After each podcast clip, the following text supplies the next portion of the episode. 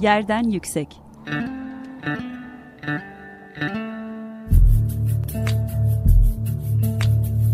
Kentin kent aşırı gündemi. Hazırlayan ve sunan Gizem Kıykı.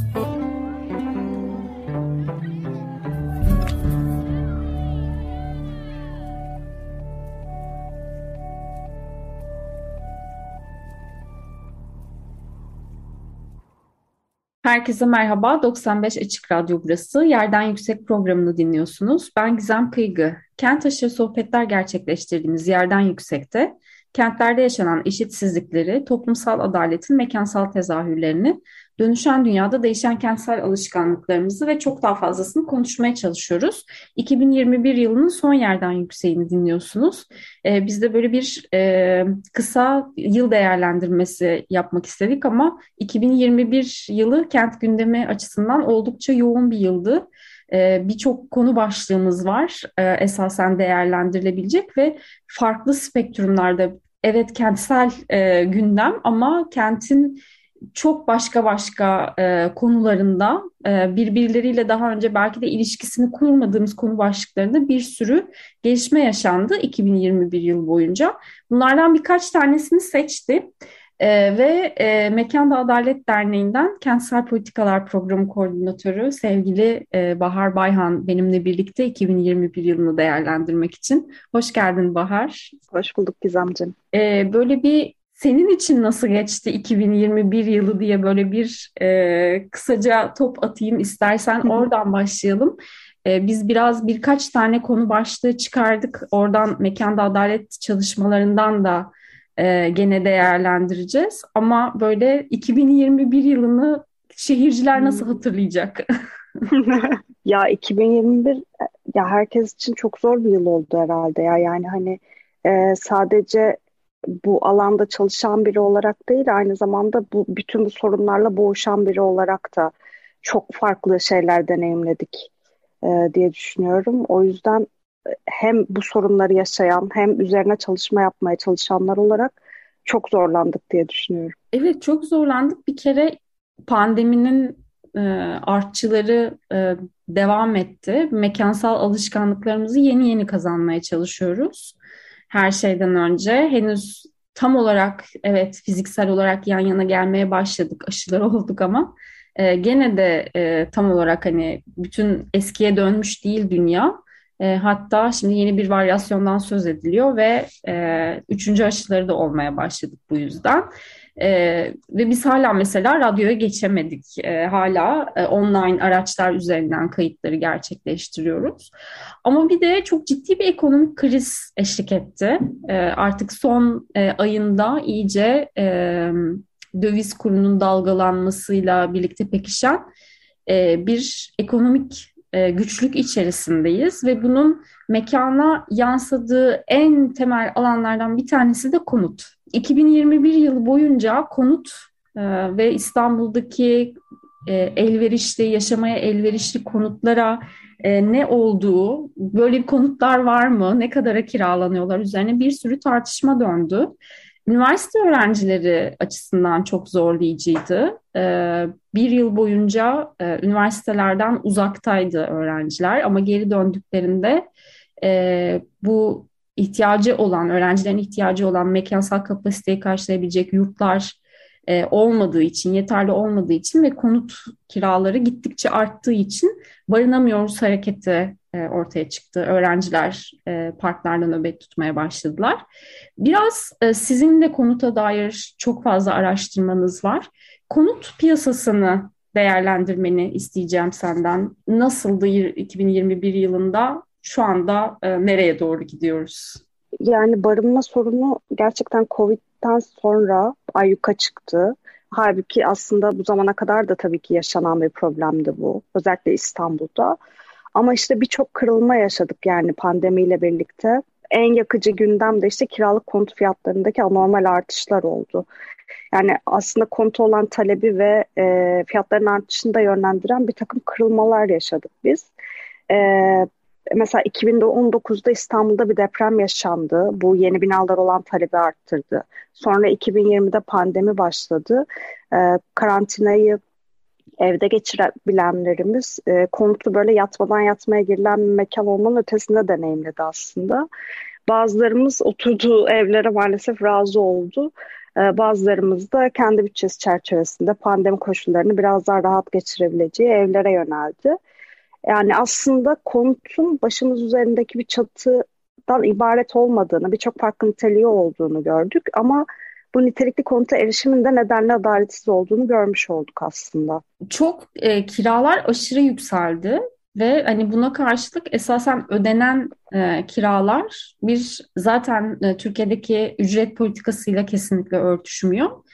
İki o kadar yüksek kiralara sahip olan e, evlerde esasen gerçekten sağlıklı ve güvenli olmaktan ee, burada güvenlikten kastımız bir site güvenliği ya da kolluk kuvvetlerini içeren, kolluk herhangi bir e, dış faktör içeren bir güvenlik değil. Esasen konutun kendinin güvenli olması.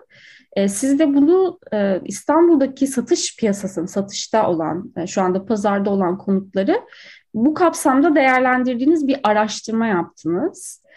Bu araştırmanın biraz böyle sonuçları neydi? Onları bir özetleyebilir misiniz de?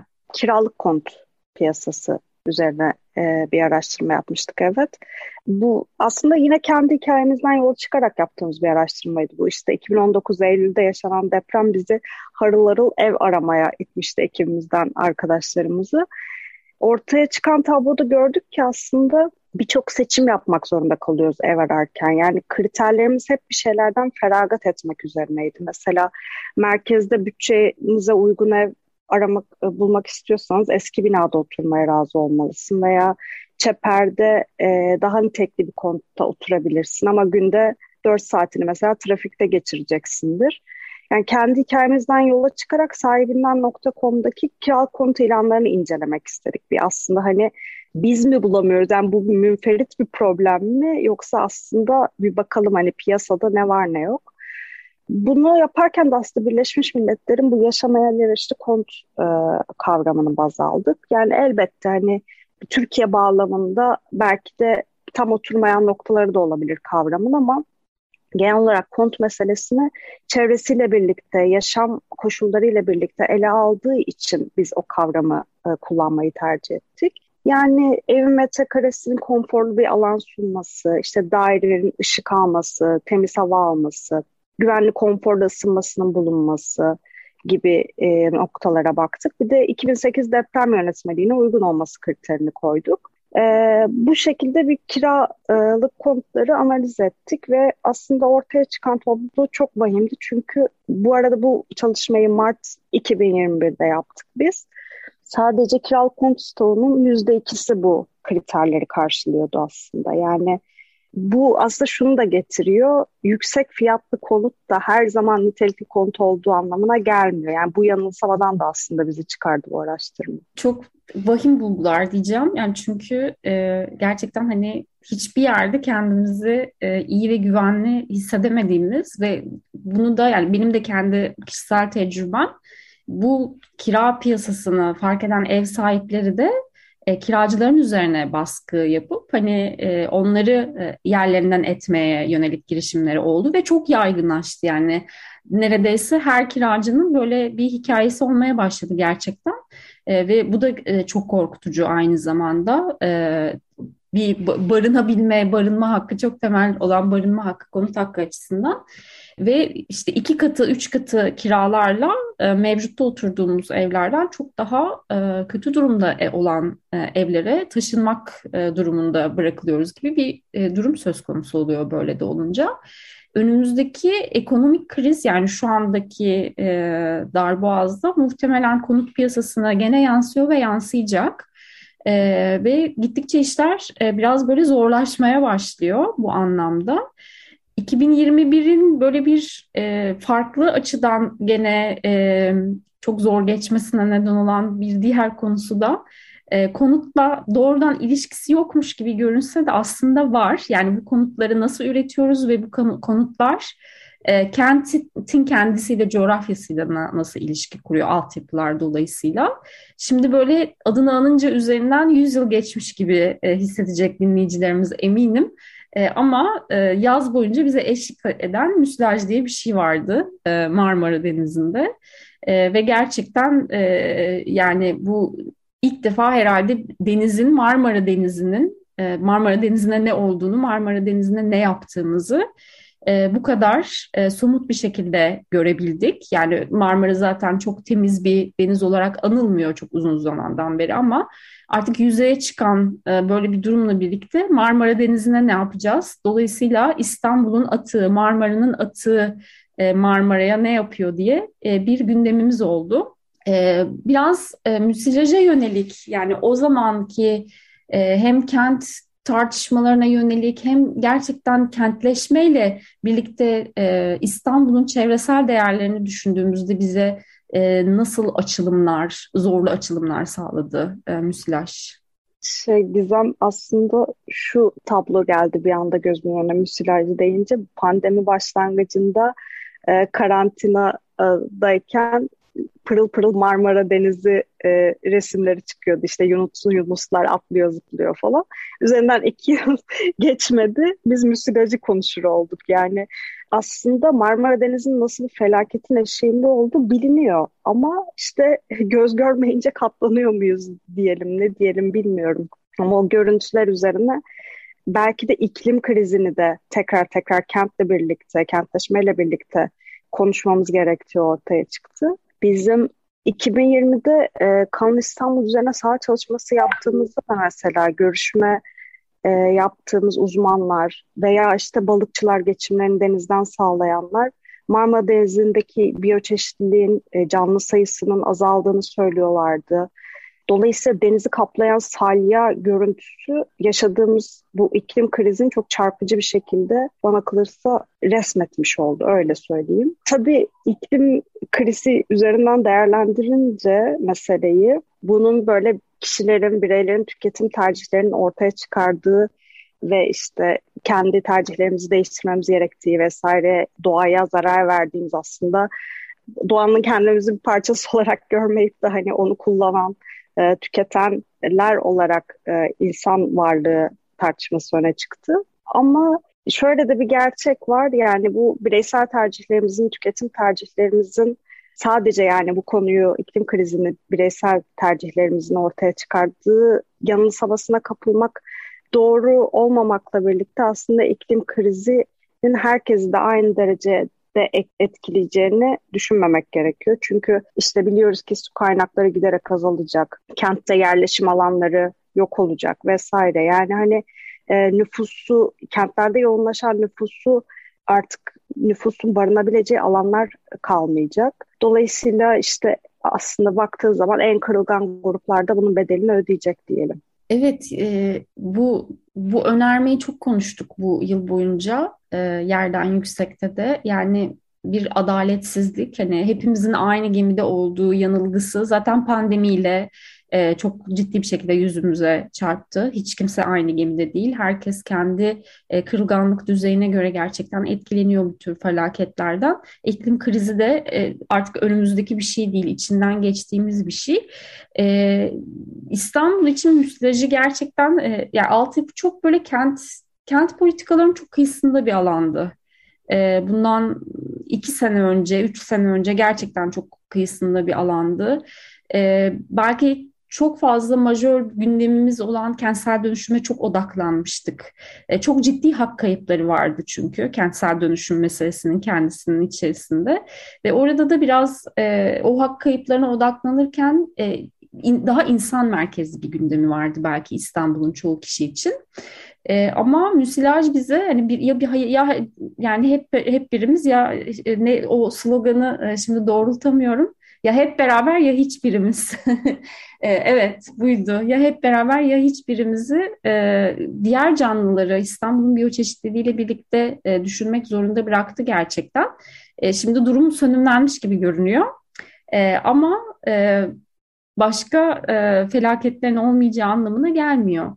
E, sen biraz sözünü ettin. Bütün bu deptebenin içerisinde bir Kanal İstanbul gündemimiz sanki hiç ekonomik krizi yokmuşçasına e, sanki İstanbul e, müsilaj başta olmak üzere birçok çevresel felaketle boğuşmuyorcasına, e, hiç beklediğimiz bir gün, deprem gündemimiz yokmuşçasına devam ediyor. E, Kanal İstanbul tarafında neler oldu? Biraz onu aktarabilir misin? Şimdi işte müsilajı konuştuk, iklim krizini konuştuk ve Kanal İstanbul'a geldiğimizde şu tezatlık mükemmel bence. Türkiye Paris İklim Anlaşması'nı imzaladı. Çevre Şehircilik Bakanlığı'nın adı Çevre Şehircilik ve İklim Değişikliği olarak değiştirildi. Ama bakıyoruz ki hükümet Kanal İstanbul projesi konusunda ısrarcı. İşte Çevre ve Şehircilik Bakanı e, Murat Kurum e, tüm engellemelere rağmen Kanal İstanbul gerçekleşecek gibi açıklamalar yapıyor. Yani gerçekten bu yam, bu ne yaman çelişki demekten kendimizi alamıyoruz herhalde. Yani projenin kente, çevreye, topluma etkilerini anlatmaktan bizim dilimizde tüy bitti. Ama hala da konuşalım, hala da anlatalım. Çok çok önemli bunları anlatmak. Yani Kalın İstanbul dediğimiz tırnak içinde çılgın proje su ekosistemini tahrip ediyor. Zaten işte kuzeyde Marmara Otoyolu, 3. Havalimanı gibi projelerle gedikler açılan kuzey ormanları tahrip olacak. İstanbul'un potansiyel tarım alanları yapılaşmaya açılacak. Kanal etrafında planlanan yeni şehir projesi zaten şu anda 16 milyon nüfusu taşıyamayan kente ekstra bir yük getirecek. Aynı zamanda tabii ki bu proje sermayenin çıkarlarına hizmet edecek ve biliyoruz yani hani o konut projesi oradan kimlerin ev sahibi olabileceği o konut projesinden şu anda meçhul. İnşaat sürecinde tonlarca hafriyat çıkacak. Belki müsilaj gibi bambaşka çok daha derin problemlere sebep olacak bu hafriyatın kullanılması aynı zamanda. E, deniz doldurularak yeni mega projelere belki beraberinde getirecek. Kalın İnşaat'ın planladığı bölgedeki mevcut yaşam alanları, mahalleler tahliye edilecek ve çok enteresan bir şekilde e, bu da böyle insanları biblo gibi bir yerden başka yere taşıyınca hayatlarına kaldıkları yerden devam edecekleri düşünülüyor. Ama tabii ki de öyle olmayacak. Öyle olmadığını da biliyoruz önceki çalışmalardan. Artık daha ne diyelim yani kentlerden sürülen zaten ormanlara atılan sokak hayvanlarının iyice itlafı diyelim ayyuka çıkacak bu proje. Dev bir inşaat projesi çünkü. Yani daha ne kadar e, ne söyleyebiliriz bilmiyorum ama yani bu projenin herhalde sadece ekonomik rantı değil politik rantı da konuşulmalı. Çünkü işte bu milli çıkarlarımız söylemi bir yandan da milliyetçiliği körüklüyor. İşte iktidarın da e, kendi tabanını nasıl kemikleştirdiğini görüyoruz bir yandan. bir de tabii İBB ile iktidar arasında çekişmenin de en büyük destesi şu anda Kanal İstanbul. Evet, e, İstanbul Büyükşehir Belediyesi savunuculuğunu Kanal İstanbul'a karşı e, olarak bu e, bir pozisyon aldı ve savunuculuğunu çok aktif bir şekilde e, yürütüyor. Gerçekten çok ciddi bir çekişme alanı. E, işte billboardlarda Kanal İstanbul projesinin neden yapılmamasına ilişkin harcamalar mesela bir denetim konusu oldu bildiğim kadarıyla. Hatta Ekrem İmamoğlu dava edilmişti yanlış hatırlamıyorsam. Bir yanda da gerçekten yerel yönetimler üzerinde merkezi siyasette bir çekişme var. E, el değiştiren yani e, şu anda işte AKP'de olan e, hükümetten farklı e, bir partiler e, yerel yönetim düzeyinde e, iktidara geldiler e, ve bu belediyeler e, aktif bir şekilde çalışmalarını yürütüyorlar. E, belediye yerel yönetimlerin e, yerelde yeniden bu hizmetleri ve yeni bir yönetim anlayışı kurma biçimlerini de çok tartışıyoruz.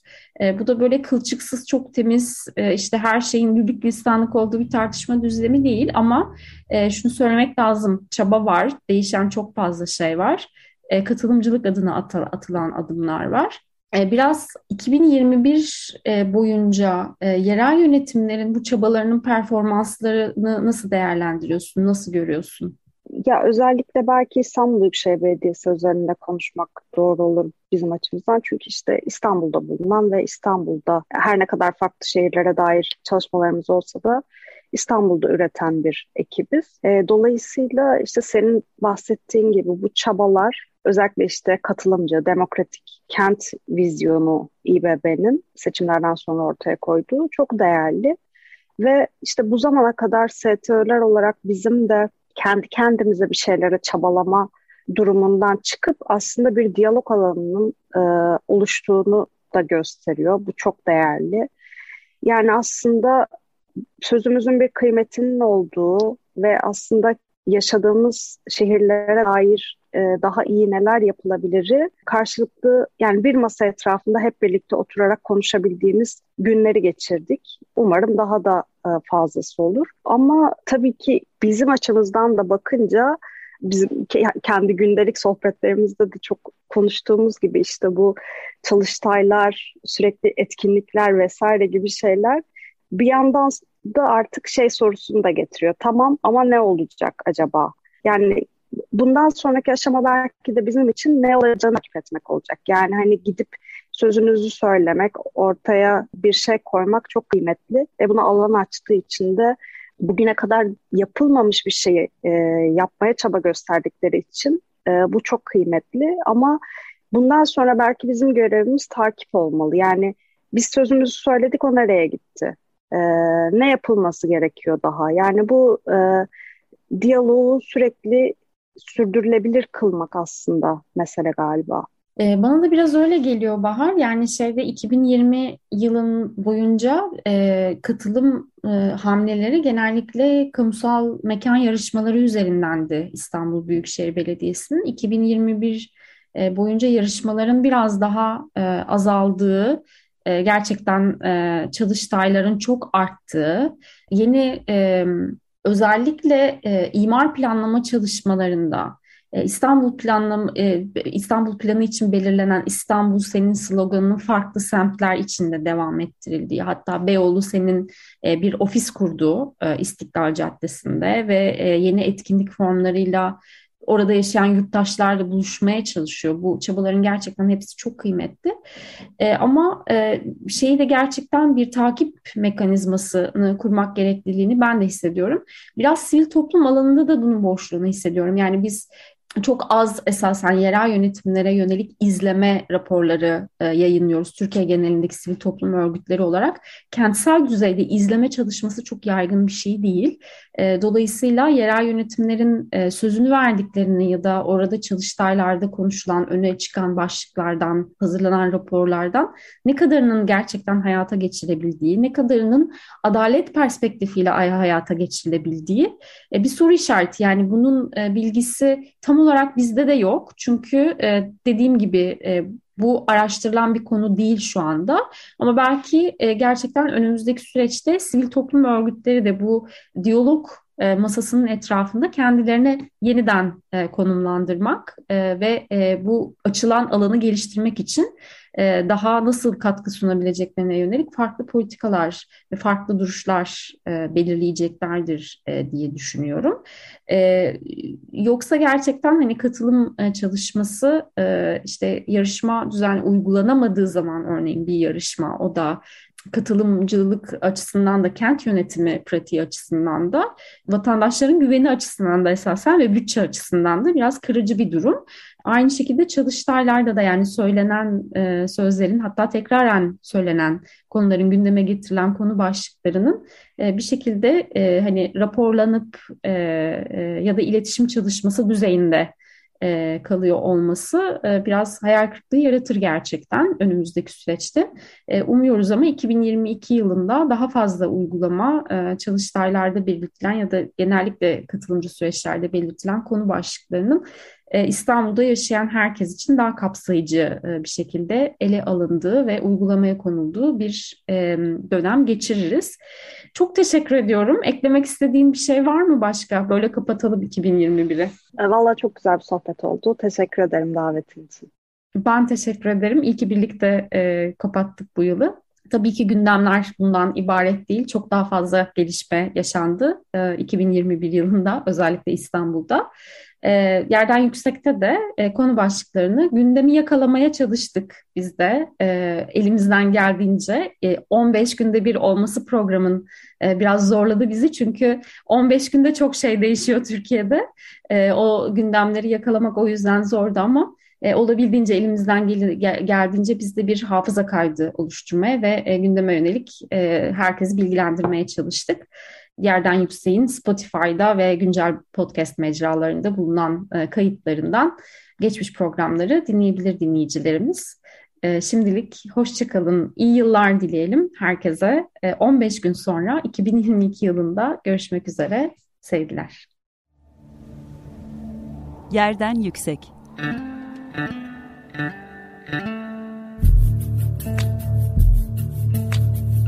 Kentin kent aşırı gündemi. Hazırlayan ve sunan Gizem Kıykı.